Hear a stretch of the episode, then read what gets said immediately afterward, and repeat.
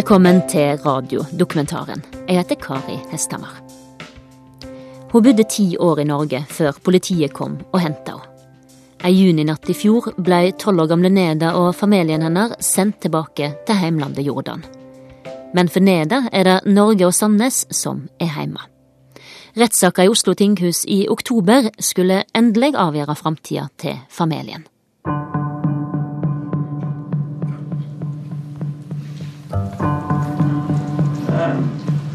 Trivdes godt i Norge. Du trivdes godt i Norge, sa du, men at du var redd for politiet? Hvilken klasse går du i, ned, da? Nå vet jeg at politiet en gang i natt kom og hentet deg og familien, og at dere da reiste tilbake til Jordan. Du har snakket om dette med språk og hvor vanskelig du syns det er. Syns du at du har lært en del arabisk etter at du kom tilbake? Kan du si noe om hva du husker av den situasjonen, og hvordan du husker at du reagerte? Du sa at broren din gruet seg til å gå på skolen. Hvordan er det med deg? Du, du Du hadde jo mange venner i Norge, har du noe særlig kontakt med de i dag? Gruer du deg til å gå på skole? Hvorfor er det så vanskelig å få seg noen venner der nede? venner der nede?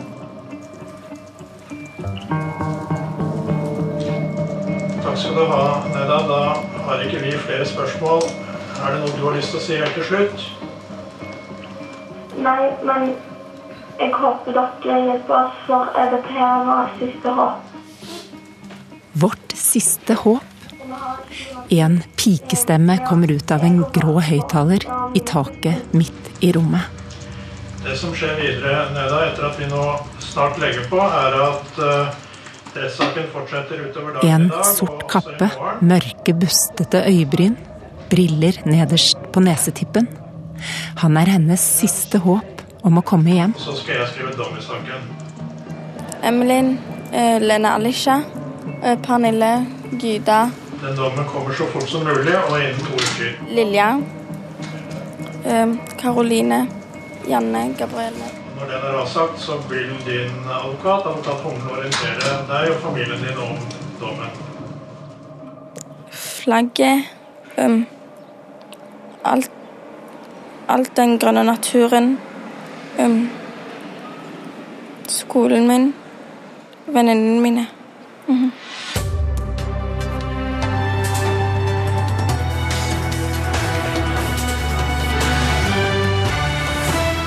God kveld, velkommen til Lørdagsrevyen, der vi i magasinet vårt skal se hvordan barn som lever i asyl i Norge, har det. For de er mange, og flere av dem sliter. Du husker henne kanskje? Den unge jenta med store, brune øyne og langt, bølgete hår under en blå strikkelue. Over 1000 barn har bodd på asylmottak i over to år. De føler seg ikke velkomne. I beste sendetid en lørdag for snart to år siden. Jeg liker egentlig å være i Norge, men det er noe som ikke liker meg.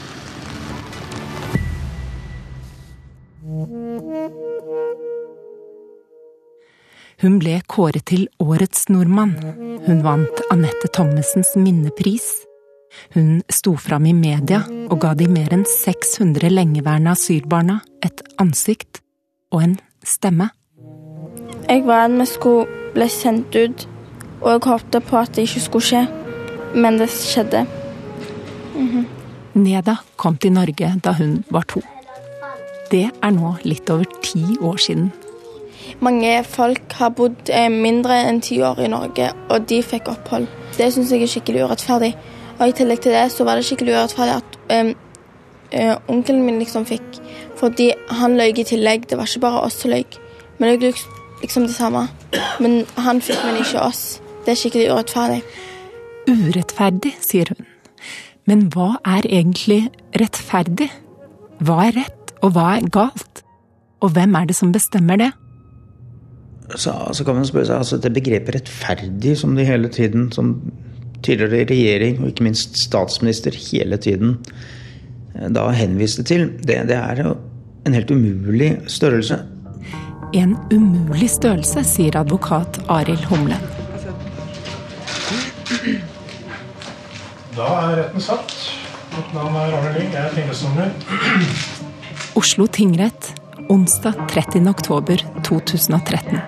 Så har det vært et tilbakevendende tema i den politiske debatten hvordan dilemmaet med lengeværende barn med ulovlig opphold skal eh, løses. For det vil være rettferdig og urettferdig, avhengig av hvor man står. Det er rett og slett valg av verdier. Og at det skal alltid foretas en konkret avveining mellom barnets interesser mot de innvandringsregulerende eller motstående hensynene. Innvandringsregulerende hensyn, en rettferdig asylbehandling, er ord vi skal få høre mange ganger de neste to dagene i rettssal 716. Tilknytning og barnas beste er andre ord vi skal få høre. Mannen i den sorte kappen skal avgjøre hvem som har rett, hva som er viktigst.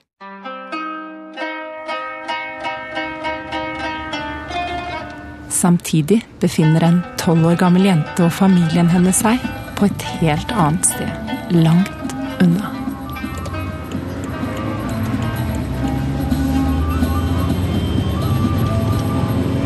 Vi er i Jordan, på vei nordover fra hovedstaden Amman.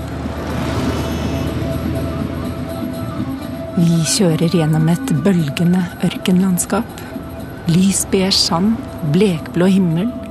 En gjeter med palestinaskjerf passer på flokken med geiter. Jeg lurer på om Neda la merke til det historiske suset. De fantastiske romerske ruinene, olivenlundene eller fornøyelsesparken Happyland. Da hun og familien kjørte den samme veien for noen måneder siden.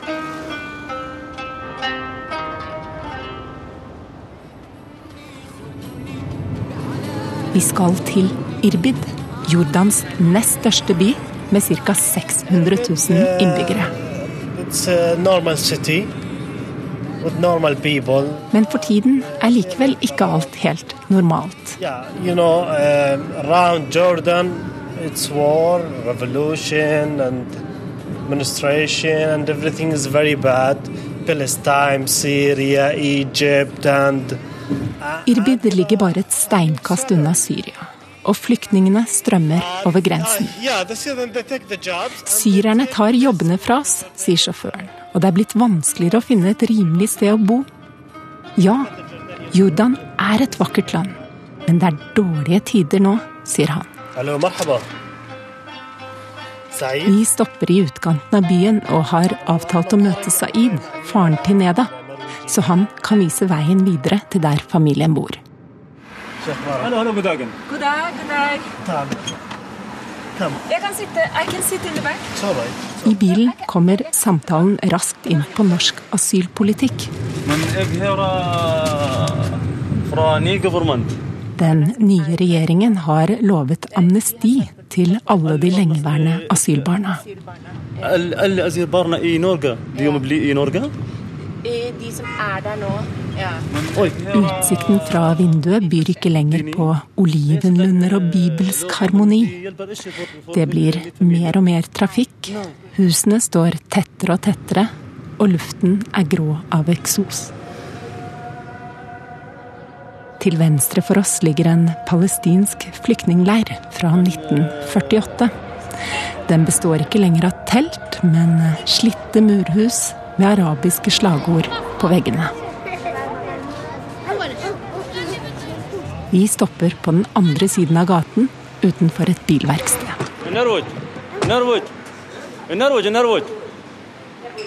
Neda og familien bor i etasjen over. Hei, Line. Hyggelig. Hei, hei. Hei, Neda. Hyggelig. Neda, hele Norges asylbarn. Jeg kjenner henne bare fra Dagsrevyen og bilder i avisene. Her bor hun med sine søsken Nael på elleve, Dima på sju, lille Soher på fem, pluss mor Rima, far Saeed og bestemor og bestefar. Han er syk. Han syk, han klarer ikke å gå, så Er det din bestefar? Ja. ja. Neda viser meg rundt i leiligheten. To rom, et kjøkken og en liten do. Det er liksom Veggene er skikkelig gamle. Grått, grå farge. Um, gardinene og sofaene er brune. Og så har vi en liten TV. Den er litt ødelagt, da. Den har ikke lyd. Salam. Og så annerledes, annerledes enn sånn vanlige doer. Et rart hull i bakken. Dette var altså endestasjonen, etter at politiet kom og hentet dem på asylmottaket for snart et halvt år siden. Men egentlig så hadde politiet sagt de skulle si eh, to dager før vi skulle bli sendt ut. De skulle, si det til oss, sånn at vi fikk gjøre oss klar eh, og pakke ned alt med alle våre ting og sånn. Men de gjorde ikke det. De kom klokka halv, halv to om natta. Mor, far og fire barn i en politibil til Sola flyplass. Med fly via Kastrup over Europa til Midtøsten, Jordan, deres hjemland. Så en times biltur til Irbid, deres hjemby. Hjemland, hjemby, hjem. Hva er egentlig det? Utenfor huset, der hadde vi en trampoline. Mm, det var skikkelig grønn natur. Litt, eh, litt nærme huset var det en skog, og så var det, det er veldig mange trær. Epletrær rundt huset.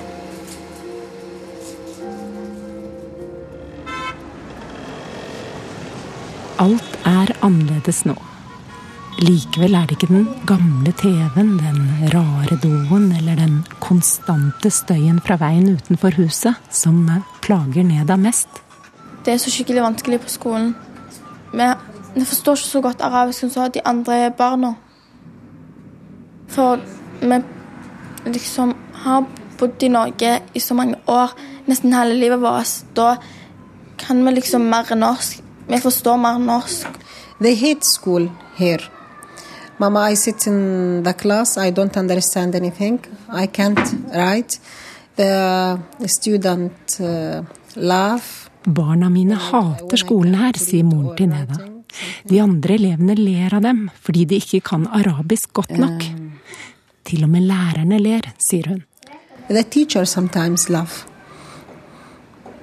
because they can't read or writing. Em, det var mye mer kjekkere på skolen. Jeg hadde mange venner. Jeg var liksom like flink som de andre elevene på skolen. Jeg vil tilbake til skolen min. Det er liksom der vi hører til. Jeg traff henne på skolen og var helt tydelig ned. Det var ei av jentene i klassen. Eh, Og hun eh, var til stede. Hun ville noe. Hun fulgte med. Eh, Hun visste mye. Eh, Hun hadde en glød. Heidi Bjerga har kommet til Oslo tinghus for å følge rettssaken. Hun er leder for støttegruppen til Neda og familien hennes. Og, og det var utrolig godt å se hva det betydde for henne og søsknene, for det må jeg si, å få lov å gå på skolen. Det, jeg tror ikke, tror ikke de hadde noen dager der de ikke hadde lyst til å gå på skolen eh, i Sandnes. Støttegruppen har samlet inn penger til rettssaken, i håp om å få Neda og hennes tre søsken hjem igjen. Bebe, lille lam, har du noen In school, the teacher asked Nael, uh, from where are you? He see I'm from Norway, not from Jordan. I live in Norway, Idala. På skolen sier Nael, lillebroren til Neda, at han er fra Norge, ikke fra Jordan. Lillesøster Dima gråter hver dag og spør når skal vi hjem til Norge? Når skal jeg få se vennene mine? Friends. Og Neda? Neda always in the telephone. She didn't have a friend here. The friend, uh, only the telephone friend with Nida. Neda har vært i Irbid i over fem måneder, men har ingen nye venner. Vennene hennes er i telefonen, på SMS med jentene i klassen på Aspevika skole. De skriver at de savner meg, at de håper jeg kommer tilbake. Har du fått noen venner her i det hele tatt? Nei, for det er så liksom, vanskelig å få kommunikasjon når du ikke er så flink i å snakke arabisk. Vennene, skolen, en lærer som støtter deg, og føler mestring. Det er det hun savner. Og én ting til. Eh, liksom Jentene de har ikke med seg matpakker på skolen. Og mange jenter pleier å spise chips i timen når læreren ikke merker det. Det bør egentlig ikke være lov at skolen selger chips og sånn. Og snop og sjokolade. Ja, og så er det lov til å ha med seg brus på skolen. Men jeg pleier å ha med meg matpakke. Hva har du på matpakka? Mm, en skive og kremost og ei flaske med vann. Og så et eple.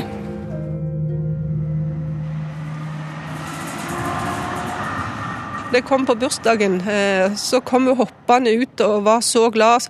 'Neimen, Heidi, du kom for seint, vi har spist opp kaka!' Sant? Eh, og jeg hadde med gave til Neda fra støttegruppa. Men hun hadde hatt en kjempedag. Hun var bare strålte hele jenta, og det var altså 14 dager før hun ble hevet ut av landet. Eh, sola er skikkelig varm, mhm, og den lyser skikkelig mye. Neda vil bare være inne, stenge verden ute bak de brune gardinene. Skolen min, mine venner. Jeg savner alt. Samtidig sier moren at hun egentlig aldri ville til Norge. Det var mannen som fikk ideen, og han lot seg ikke stoppe. Uh, my husband, he decided to go to Norway, not me. He. Han solgte alt vi eide, sier Rima, med mørke ringer under øynene. Uh, I tell him, uh, no, I can't going. I would like to live here with my children and with my family, but he say no. Håret er dekket av et grått sjal. yeah. Well, here the woman uh, can't live alone, the woman here, and the woman can't. Uh, uh, the woman can't bestemme. The man, yeah, can't decide. The man, he decide. Because of this, I go with my husband. Kvinner kan ikke bestemme, sier hun. Derfor dro hun til Norge med mannen. I live 10 years, and I hope maybe something will happen. Maybe the future coming.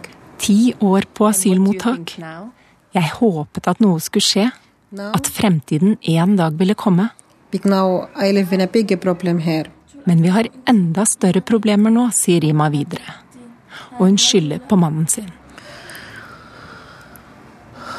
I don't know what can I tell you, but I think my husband he damaged everything.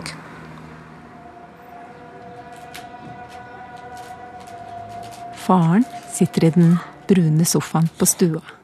Han har ennå ikke sagt så mye, men røyket desto mer. Minst ti på én time.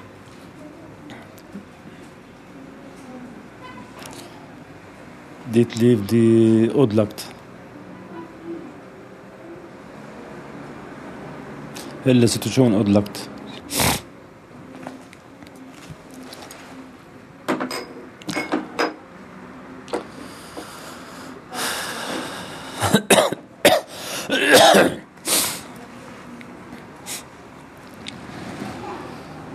Ditt kone ترينجر trenger ikke بقولون pga. jeg دول dårlig far. en ubrukelig ektemann. En dårlig far. Han sier det er hans skyld at Neda ikke smiler lenger. Men Neda er fin jente. Og Neda har far dårlig. Forstår du? Men jeg reiste til Norge fordi jeg håpet å gjøre gode ting for familien og barna, sier faren til Neda. Jeg håper å legge noe ting de som gode ting til ditt familie og ditt barn. UDIs avslag i saken ble da gitt den 26. i 11. 2004. 2004. Så uh, blir dette påklaget. Påklager UDI samtykka da i utsatt iverksettelse i sin beslutning av 2005. 2005. Den uh, 12.3.2005 blir det tredje barnet, Dima, født. Så blir saken oversendt til UNE i februar 2006. Og UNE klagebehandla da selve asylsaken i vedtak 4. mai 2006. Har du lyst til å gå en liten tur i nabolaget? Får du lov til det? Jeg vet ikke, men det er jo ikke noe sted å gå. Am, eh, am I allowed to go for a walk with her in the neighborhood? Jeg prøver å få med meg Neda ut av den mørke leiligheten. Ah, you don't want to? No, ok. Men hvis vi tok en taxi et sted, til et hotell eller noe, har du lyst til det? For å gjøre noe annet? Jeg tror ikke det er noen hotell i nærheten. Er det ikke det? Er det langt unna? Jeg vet ikke, det står ikke på ut. Is there somewhere I can take her? For?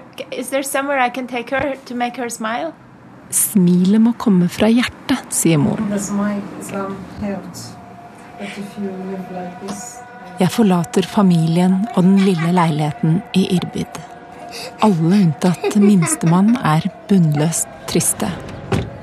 Men det er noe mer enn tristesse i luften. Tusen takk for at jeg fikk besøke dere. Velkommen. Det er akkurat som noe er i ferd med å briste. Takk skal du ha. Gå i oppløsning.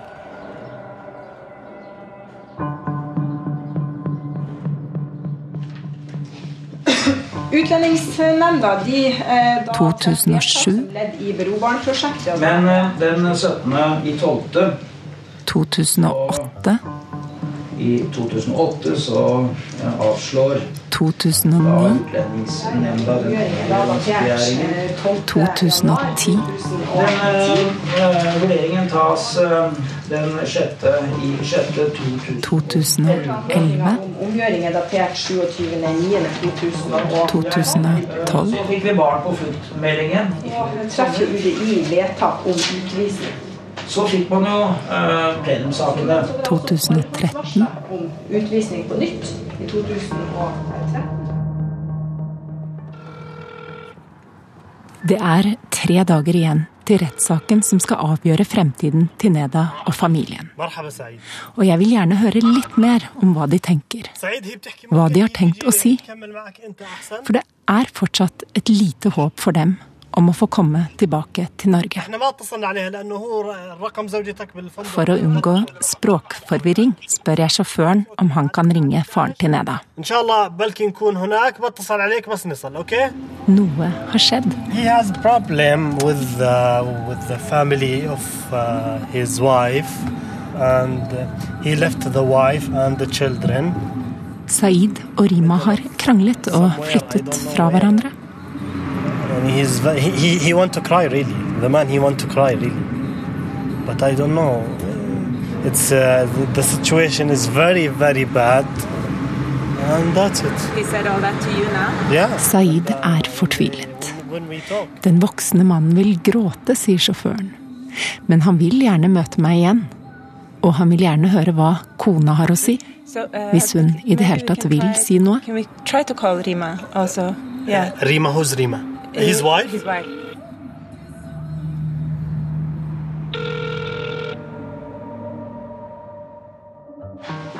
Hensyn til barn generelt ligger inne som et av de tyngste innvandringsregulerende hensynene på dette rettsområdet. Hensynet til barn generelt. Juridisk utdrag på side 1. 8. annet ledd.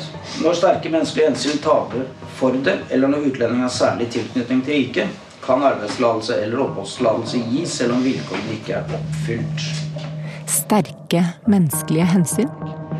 Det tas hensyn til det, og man er nødt til å på en måte finne en balanse. Det er dilemmaet her. UNE tar menneskelige hensyn, sier UNEs advokat Kine Steinsvik. Og hun sier hun forstår at Neda har det vanskelig. Eh, det er lett å sette seg inn i å forstå hennes situasjon. Hun er et barn som har havnet helt uforskyldt i denne situasjonen. Det skulle hun aldri ha gjort. Eh, og da er på en måte den grunntanken som da regelverksfastsettelsen forsøker å uh, imøtegå, at nettopp det her jeg var inne på, at ikke barn generelt skal havne i en sånn situasjon. For hvis man skal utforme regelverket basert på enkeltstående situasjoner som har oppstått, for å ivareta hensynet til de, så får man det som man kaller for en effekt at flere barn havner i den samme situasjonen. Ja. Ja, en teskje. Det er du som serverer nå? Ja. Vi er tilbake i Irbid. Denne gang hos onkelen til Neda, der faren nå har flyttet inn I det samme palestinske nabolaget, noen minutter fra bilverkstedet og leiligheten der besteforeldrene, moren og barna bor. Neda er på besøk når jeg kommer. تكون انت هناك التي دو سعيد دو ødelagt mitt liv. Forstår du? Min kone sier hele tiden 'Saeed, du har ødelagt mitt liv'. På grunn av jeg har ikke jobb, jeg har ikke hus, det er ingenting. Men hva tenker du nå? Det skal jo være en rettssak om tre dager. Hva tenker du om det? Jeg vet ikke. Hva håper du vil skje? Håper ingenting. Nei. Ingenting.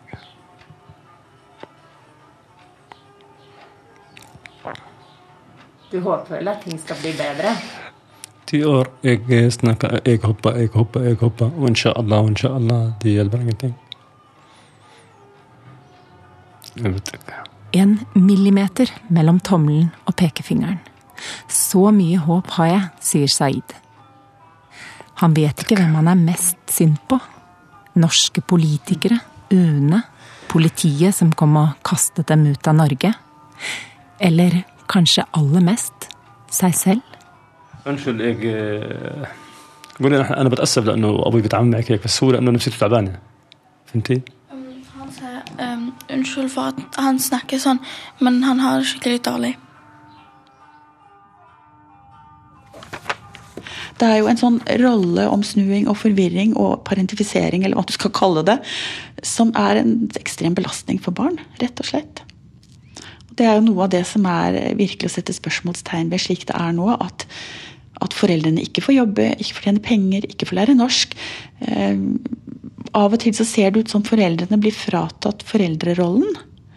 Fordi at man ønsker ikke at de skal integrere seg for mye med tanke på retur. Aina Våge er barnepsykiater og har fulgt asylbarnas situasjon i Norge i over 20 år. Og Samtidig så sitter jeg som barnepsykiater og ser de drastiske konsekvensene for barna. Som dermed blir fratatt en foreldrestøtte de skulle hatt. Og Dette handler ikke om dårlige foreldre, dette handler altså om hvilke muligheter får de til å tilpasse seg det norske, så de kan være en reell støtte for barna sine. Barnepsykiateren skal snart vitne i retten. Som du skjønner, så gjelder jo ikke dette bare Neda-saken, men, men, litt sånn generelt. Hva slags konsekvenser jeg som barnepsykiater ser når jeg møter disse barna. Og hvilke belastninger som ligger på deres skuldre.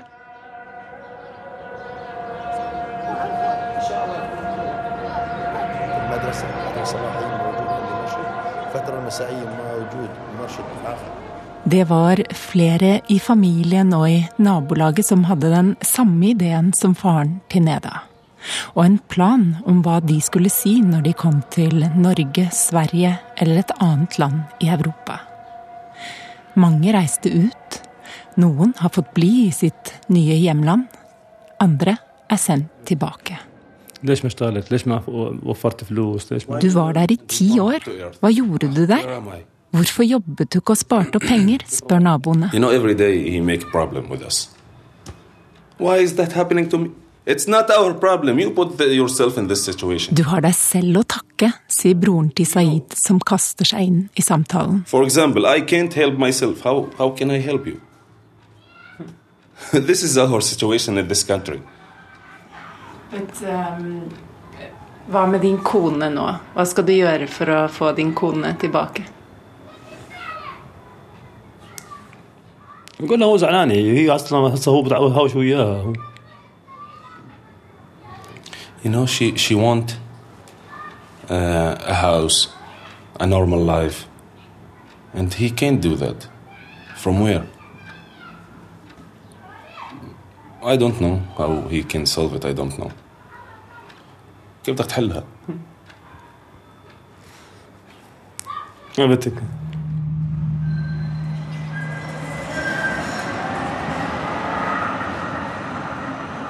Saeed eh, står her og egentlig ser ut som en eh, ekte far, eh, som er stolt av familien sin, eh, og som står og holder på han minste. Og, og, og ser rett på meg når jeg tar bilde.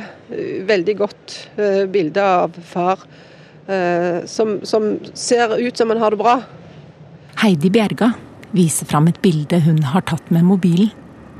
Av en familiefar som fortsatt har et håp. De tok et valg de for eh, snart elleve år siden. Med at vi vil ha en framtid for ungene våre i et annet land. Og så reiste de ifra venner og familie og samfunnet. Og så kommer de tilbake eh, og på en måte blir dumpa av den norske staten i Jordan. Eh, Det er klart det er vanskelig å løfte hodet da. قولي له هو اتمنى انه يعني ما عملش الشغله هاي انه قال من العراق بس لو انه قال لهم انه انا من الاردن وكذا كذا كذا فلسطين من الاردن بس Det han ønsker han ikke skulle ha gjort, eller det han angrer på å ha gjort, er at han sa at han em, var fra Irak. Eh, Han burde egentlig sagt at han var en palestiner som bodde i Jordan. Eh, ja, torsdag 21.3 foretok utlendingsseksjonen Rogaland politidistrikt en ransaking hos Ibrahim. Han løy.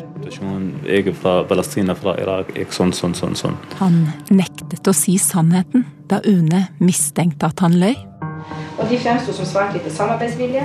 Jeg må tenke fra 2007, og jeg må tilbake til eh, Jordan. Og han trenerte lovlig fattede vedtak. Men for eksempel, jeg reiser tilbake til Jordan. Jeg har ikke hus, jeg har ikke pengene, jeg har ikke jobb, jeg har ingenting.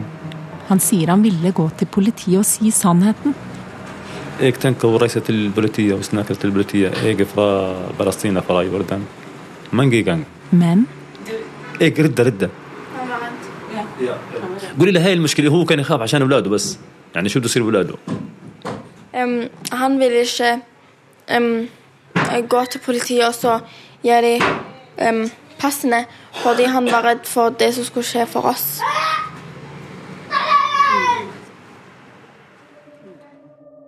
Under det videre arbeidet med ransakingen fant politiet Birkeland fire eh, stykk jordanske pass. i stedet fant politiet passene.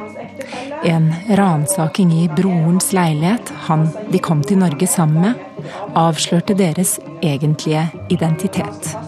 De var altså ikke statsløse palestinere fra Irak, men palestinere med jordanske statsborgerskap.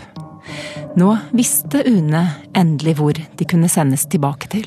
Nei, De sier jo selv at det er fordi at når det gjelder eh, personer som har gitt uriktig navn, så er det ingen nåde.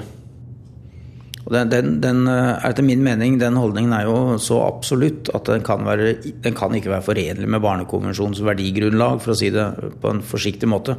Det faren til Neda gjorde, var galt. Men hensynet til barna må gå foran behovet for å straffe. Foran innvandringsregulerende hensyn, mener advokat Humlen. Tilknytning er et viktig ord, mener han. Hvis ikke disse hensynene alene er sterke nok i denne saken, den tilknytningen som Neda og, Nahl har, eh, når skal den være sterk nok? For blir, den, blir det lengre oppholdstid da, så er jo ingen barn lenger når vedtaket kommer. Og da er på mange måter hele systemet undergravd og borte. Og det er der, det er der vi er i denne saken ved et skjæringspunkt. Selv om, om far har gitt uriktige opplysninger, og det er et tungt hensyn, så framkommer det at på et gitt tidspunkt så vil tilknytningen være så sterk at alt annet må vike. Og dette er vel kanskje den saken. Hvis dette i det hele tatt skal ha noen verdi, så må det være i denne saken. Og Humlen har vunnet fram med dette argumentet tidligere. F.eks. da han var advokat for sju år gamle Nathan, som er født og oppvokst i Norge med foreldre fra Etiopia. Han vant i retten og fikk opphold for bare noen måneder siden. Humlen har tro på at han også skal vinne denne saken for Neda og familien. Hei. Hallo. Hallo.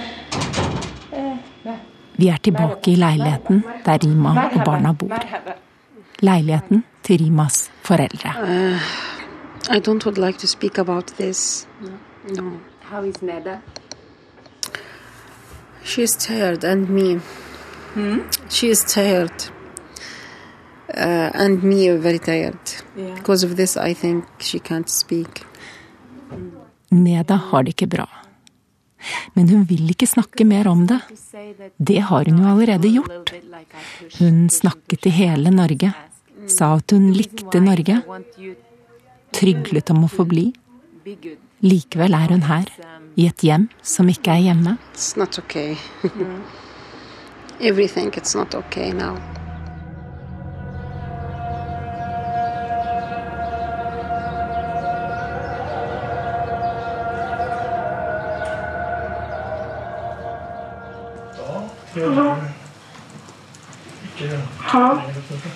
Hallo, det er tingrettsdommer Arne Lyng i Oslo tingrett. Hører du meg, Neda?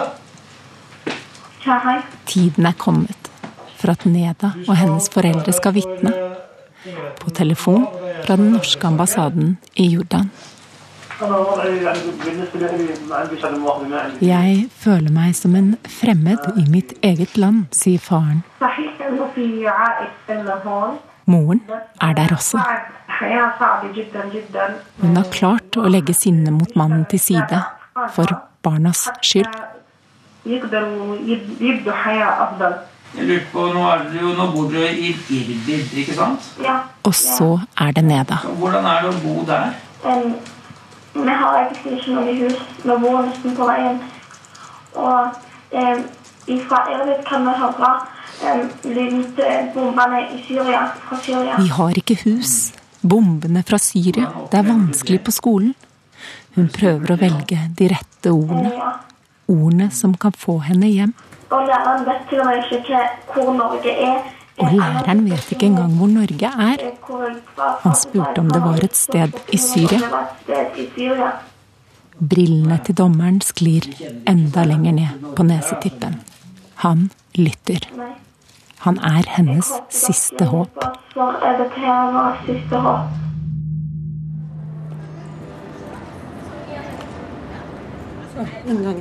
Mens Neda og familien er i Jordan og venter på dommen, sitter advokat Humlen på sitt kontor i Lillegrensen. Gjennom det store vinduet i sjette etasje kikker han ned på Stortinget. Her må utlendingsmyndighetene justere eh, kursen. Og det kan nok medføre at noen klarer å tilrane seg oppholdstillatelser de ikke skulle ha hatt. Vi er tilbake til spørsmålet om rettferdighet.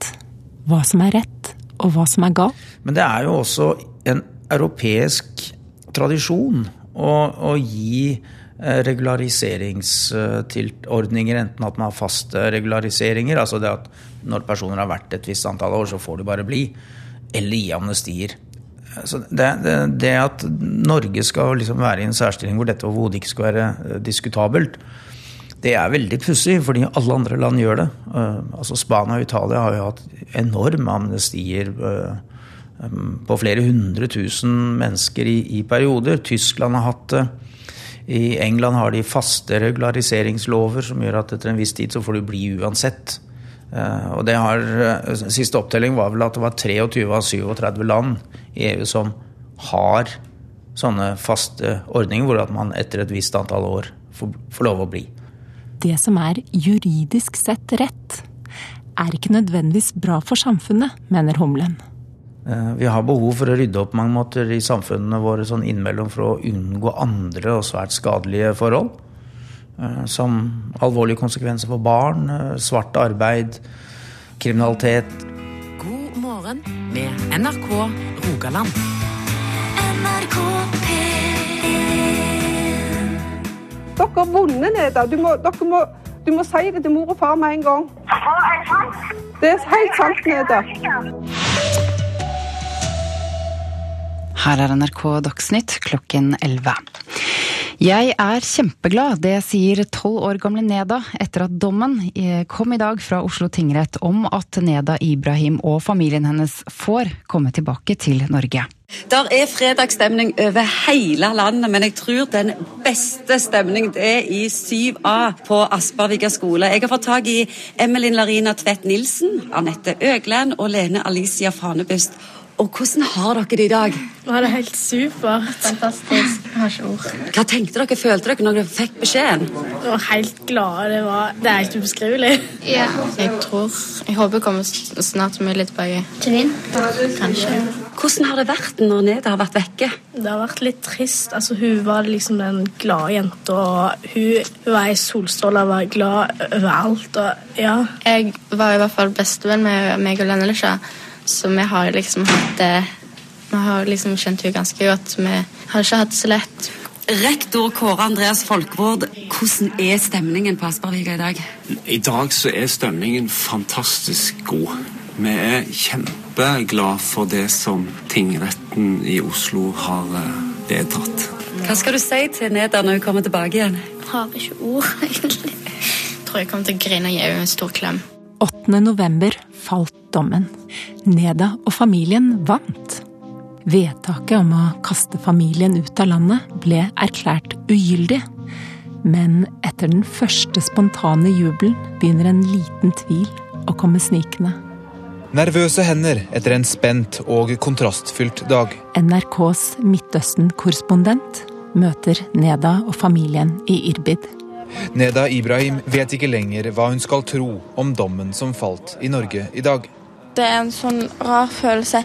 Jeg ble skikkelig glad først, men det er på en måte ikke så mulig å være glad. UNE må vurdere saken på nytt. Men hva betyr egentlig det? Men Utlendingsnemnda mener at dagens dom ikke gir Neda og familien rett til å returnere til Norge. De mener det først må treffes et nytt vedtak, som eventuelt gir familien oppholdstillatelse. Jeg håper det siste svaret blir at vi får komme tilbake. Og jeg håper vi får komme tilbake i fortest mulig tid. Men det har de ingen garanti for. Neda frykter at UNE skal anke. Humlen frykter noe enda verre. Et tilfelle tidligere hvor man har eh, rebehandlet saken etter å ha tapt i retten og opprettholdt et negativt avslag. At UNE ikke anker, men treffer et nytt negativt vedtak, er det mulig? Det blir jo i så fall the worst case scenario. Hallo? Hallo, Rima. Hei. Ja, hei, Nina. Hei, how are you? Now I am waiting to see if they say okay, you can return back or not.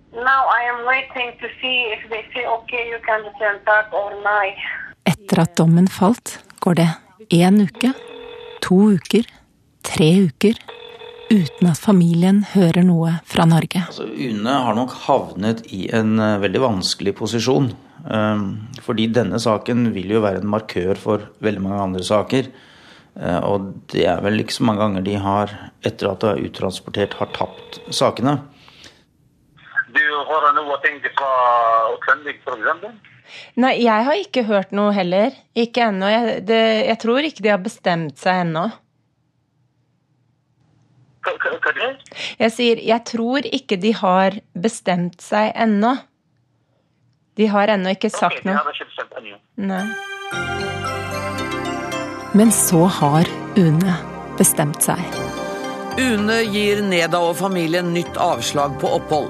De setter familien i en torturlignende situasjon, mener advokaten deres. Ja, jeg skulle ønske jeg kunne si at dette bare er pinlig og flaut, men eh, jeg kan jo ikke det eh, når man tenker på de belastningene som dette påfører barna, først og fremst. Ingen Sofie Aursnes, du er direktør i Utlendingsnemnda. Eh, Kan du begrunne avslaget? Eh, Avslaget er begrunnet i hovedsak på samme måte som den tidligere beslutningen i saken. Men i denne omgangen så har beslutningstakeren vår begrunnet vedtaket bedre, slik tingretten påpekte at burde gjøres. Og Beslutningstakeren hos oss har jo vektet alle argumenter for opphold, og det er da barnets beste, det er helsetilstand, det er tilknytning til riket, det er returforutsetningene i hjemlandet Jordan. Og så har man allikevel kommet til at hensynet til regulert innvandring veier så tungt, fordi disse foreldrene i så mange år førte norske myndigheter bak lyset når det gjelder identitet og nasjonalitet.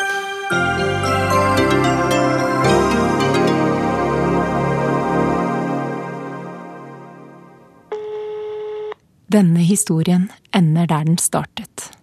Med en familie som venter på fremtiden. En far som har gått ned 20 kilo og ser 20 år eldre ut. En mor som ennå ikke har gitt opp. I will try again. You will try again.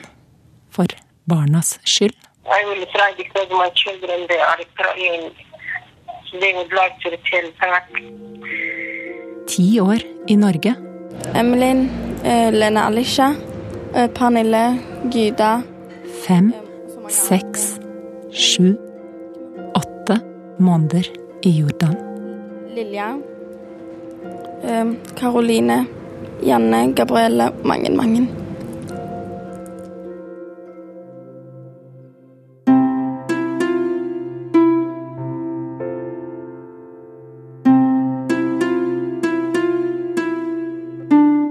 Du har hørt Neda, en radiodokumentar om å lengte hjem. Programmet var laga av Nina Bull Jørgensen. Teknisk regi var ved Nils Jakob Langvik og konsulent Kari Hesthammer. Mor og far til Neda har nå flytta sammen igjen, og familien har fått leie en egen leilighet i Irbid. De venter på dato for ny rettssak, fortsatt i håp om å få komme tilbake til Norge. Neste lørdag sender vi Alt, ingenting, Harway Keitel. En radiodokumentar om å gi slipp på seg sjøl. Midt i en av verdens travleste byer setter en mann seg ned og prøver å meditere, men han blir overveldet av forstyrrelser. Spesielt blir han forstyrra av mannen ved sida av seg. Vi lyttet til stillheten som ikke var stille. Og inni denne ikke-stillheten lød plutselig et host. Et forsiktig host. Et host som dekket over en stor og rumlende stemme. Og sånn var det jeg oppdaget at jeg satt ved siden av den berømte skuespilleren Harvey Keitel. We begin with hearing because it points to some of the natural qualities of mindfulness. Og øyeblikkelig begynte jeg å tenke på alle de tingene Harvey Keitel kanskje tenkte på. We don't have to define the sounds as being a certain thing. Eller på alle de tingene Harvey Keitel prøvde å la være å tenke på. We don't have to manipulate them. Eller jeg forsøkte å la være å tenke på alle de tingene Harvey Keitel forsøkte å la være å tenke på. Hør radiodokumentaren Alt, ingenting Harvey Keitel neste lørdag klokka ti her på NRK P2.